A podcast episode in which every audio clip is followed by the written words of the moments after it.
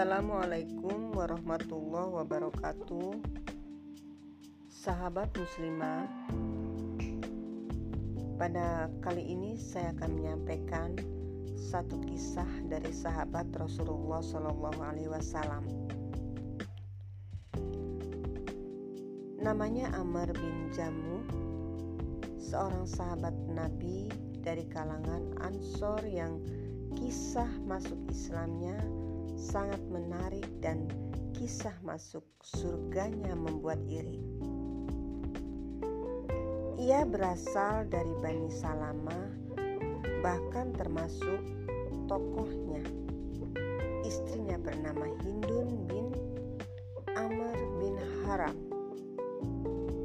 Dari pernikahannya dengan Hindun, ia dikaruniai tiga putra Muaz, Muawiz, dan Khalad. Layaknya orang-orang Yatsrib lainnya, ia juga menyembah berhala. Ia memiliki sebuah berhala dari kayu yang ia namakan Manaf. Setiap hari berhala itu dirawatnya, dibersihkan, diberi wewangian, dan dimuliakan. Ketika anaknya Muaz bin Amr sudah masuk Islam, tokoh Bani Salamah ini masih menyembah Manaf. Tak sehari pun ia berhenti memuliakan dan memuja bahai, bar, bar, berhala kayunya itu. Kisah masuknya kisah masuk Islamnya Amr bin Jamu Suatu hari Muaz bin Amr punya ide untuk membuat ayahnya sadar dan sesatnya menyembah berhala. Cara biasa tak berhasil untuk mendakwah Amr bin Jama bin Jamu. Malam itu Muaz bin Amr bersama Muaz bin Jabar diam-diam mengambil manaf di dari tempatnya lalu mereka buang. Paginya, Umar bin Jamu kaget melihat Manaf hilang dari tempatnya.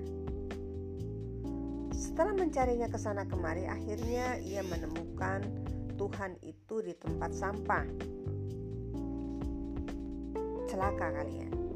Siapa yang berbuat kurang ajar pada Tuhanku tadi malam? Teriak Amr bin Jamu marah. Tak ada seorang pun yang mengaku bertanggung jawab atas penghinaan berhala itu. Ia lalu mencuci berhala itu, memberinya wewangian, dan meletakkan kembali di tempatnya. Malam berikutnya, Muaz bin Amr dan Muaz bin Jabal membuat kembali menjalankan aksi serupa mereka mengambil manaf dan membuangnya ke tempat sampah. Keesokan harinya, bin Jamu lagi-lagi terkejut sebab Tuhannya tak ada di tempat. Ia pun menemukan Tuhan itu di tempat sampah. Celaka kalian. Siapa yang berbuat kurang ajar pada Tuhanku tadi malam? Amir bin Jamu makin marah ia mulai kesal karena merasa dipermainkan. Ia tak ingin Tuhannya dihina lagi. Diambilnya sebuah pedang dan diletakkan di leher Manaf. Setelah berhala itu dicuci dan diberi wewangian. Jika engkau membawa kebaikan, lindungilah dirimu dengan pedang ini, kata Amr, Amr bin Jamu tanpa jawaban apa pun dari benda berhala itu.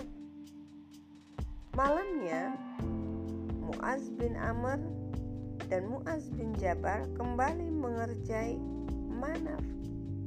Amr bin Jamuh yang kembali kehilangan Tuhannya segera mencarinya. Ia menemukan Manaf di tempat yang sama.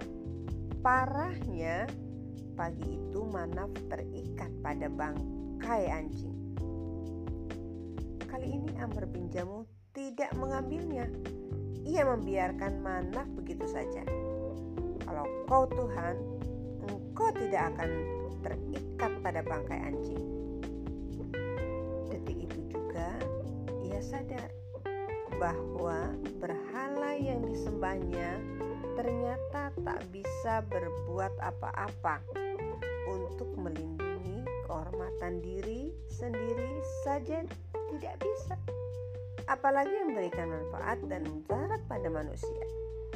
Tak lama kemudian Amr bin Jamu pun masuk Islam. Dibanding sejumlah tokoh Yasrib baik dari suku Aus maupun Khosrow Amr bin Jamu termasuk ketinggalan masuk Islam. Ia baru masuk Islam setelah anaknya bersama Muaz bin Jamal melakukan strategi dakwah yang anti mainstream. Namun, keterlambatan masuk Islam itu segera dikejarnya dengan memperbanyak ibadah dan amal soleh. Dua di antara keunggulan Amr bin Jamu, Jamu adalah sifatnya yang dermawan dan kesungguhannya dalam mujahadah. Setiap kali ada orang yang datang kepadanya meminta bantuan, ia bantu. Setiap kali ada orang yang menemuinya dan meminta pertolongan, ia tolong. Setiap kali ada orang yang meminta sedekah, ia beri. Setiap kali ada yang membutuhkan santunan, ia santuni ambillah ini. Besok aku akan mendapatkannya lagi. Demikian kalimat Amr bin Jamuh yang terkenal. Ia sangat dermawan memberikan bantuan kepada orang lain dan segera Allah memberinya rezeki sehingga ia mendapatkan harta sebanyak itu, bahkan lebih banyak lagi.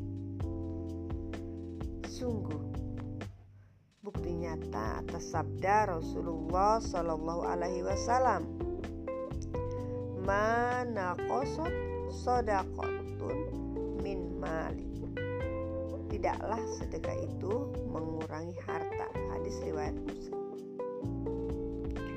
Amr bin Jamus sebenarnya memiliki keterbatasan fisik. Salah satu betisnya cacat sejak lahir sehingga ia tidak bisa berjalan cepat. Ia pincang. Namun, ia tak menjadi penghalang bagi kesungguhannya untuk membelai Islam. Mendengar ada mobilisasi mujahidin ke Badar, ia mendaftarkan diri. Sayangnya, kaumnya menghalangi Rasulullah juga tidak mengizinkan karena keterbatasan fisiknya. Ketika datang seruan jihad ke medan jihad Amr bin Jamu tak mau dihalangi lagi kalian telah melarangku ke perang badar kali ini tak ada seorang pun yang boleh menghalangiku ke medan jihad sesungguhnya Allah memberimu izin untuk tidak pergi berperang kata kaumnya membujuk agar ia tidak ikut Ketika Rasulullah SAW datang, Amr bin Jamu mengadu, "Wahai Rasulullah, kaumku berusaha menahanku agar tidak berjihad bersamamu. Demi Allah, aku sangat berharap bisa menjejakkan kaki pincangku ini di surga." Sesungguhnya Allah telah memaklumimu dan kau tidak wajib berjihad sabda Rasulullah Shallallahu Alaihi Wasallam kepada Amr bin Jam. Kemudian beliau berpaling kepada kaum Bani Salama dan bersabda, "Kalian tidak berdosa jika tidak dapat mencegahnya. Semua semoga Allah menganugerahinya kesahidan." Mendengar sabda Rasulullah Shallallahu Alaihi Wasallam, Amr ibnu Jamu senang bukan kepalang Rasulullah tidak melarangnya ikut berperang untuk uh, berperang ikut perang Uhud bahkan mendoakannya syahid ia lantas segera bergegas menyiapkan perbekalannya lalu berangkat bersama pasukan Madinah ke medan jihad untuk mengikuti perang Uhud. Dengan karunia dengan penuh keungguh, kesungguhan ia berdoa, "Ya Allah, karuniakanlah kesahidan kepadaku, jangan engkau kembalikan aku kepada keluargaku dalam keadaan sia-sia." Perang Uhud berkecamuk hebat. Awalnya kaum muslimin menang, namun kemudian keadaan berbalik.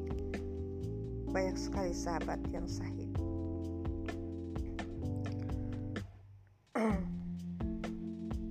Saat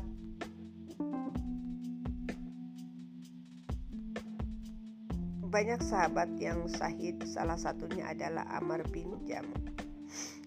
Saat Hindun datang melihat jenazah suaminya, Rasulullah SAW bersabda, "Demi Zat yang menguasai jiwaku, sungguh aku telah melihatnya menjejakkan kaki pincangnya di surga." Subhanallah, Allah Maha Akbar.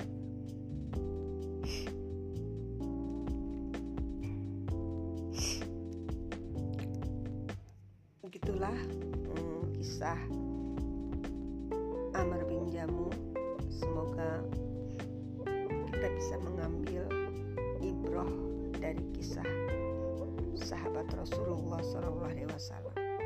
Sekian, wassalamualaikum warahmatullahi wabarakatuh.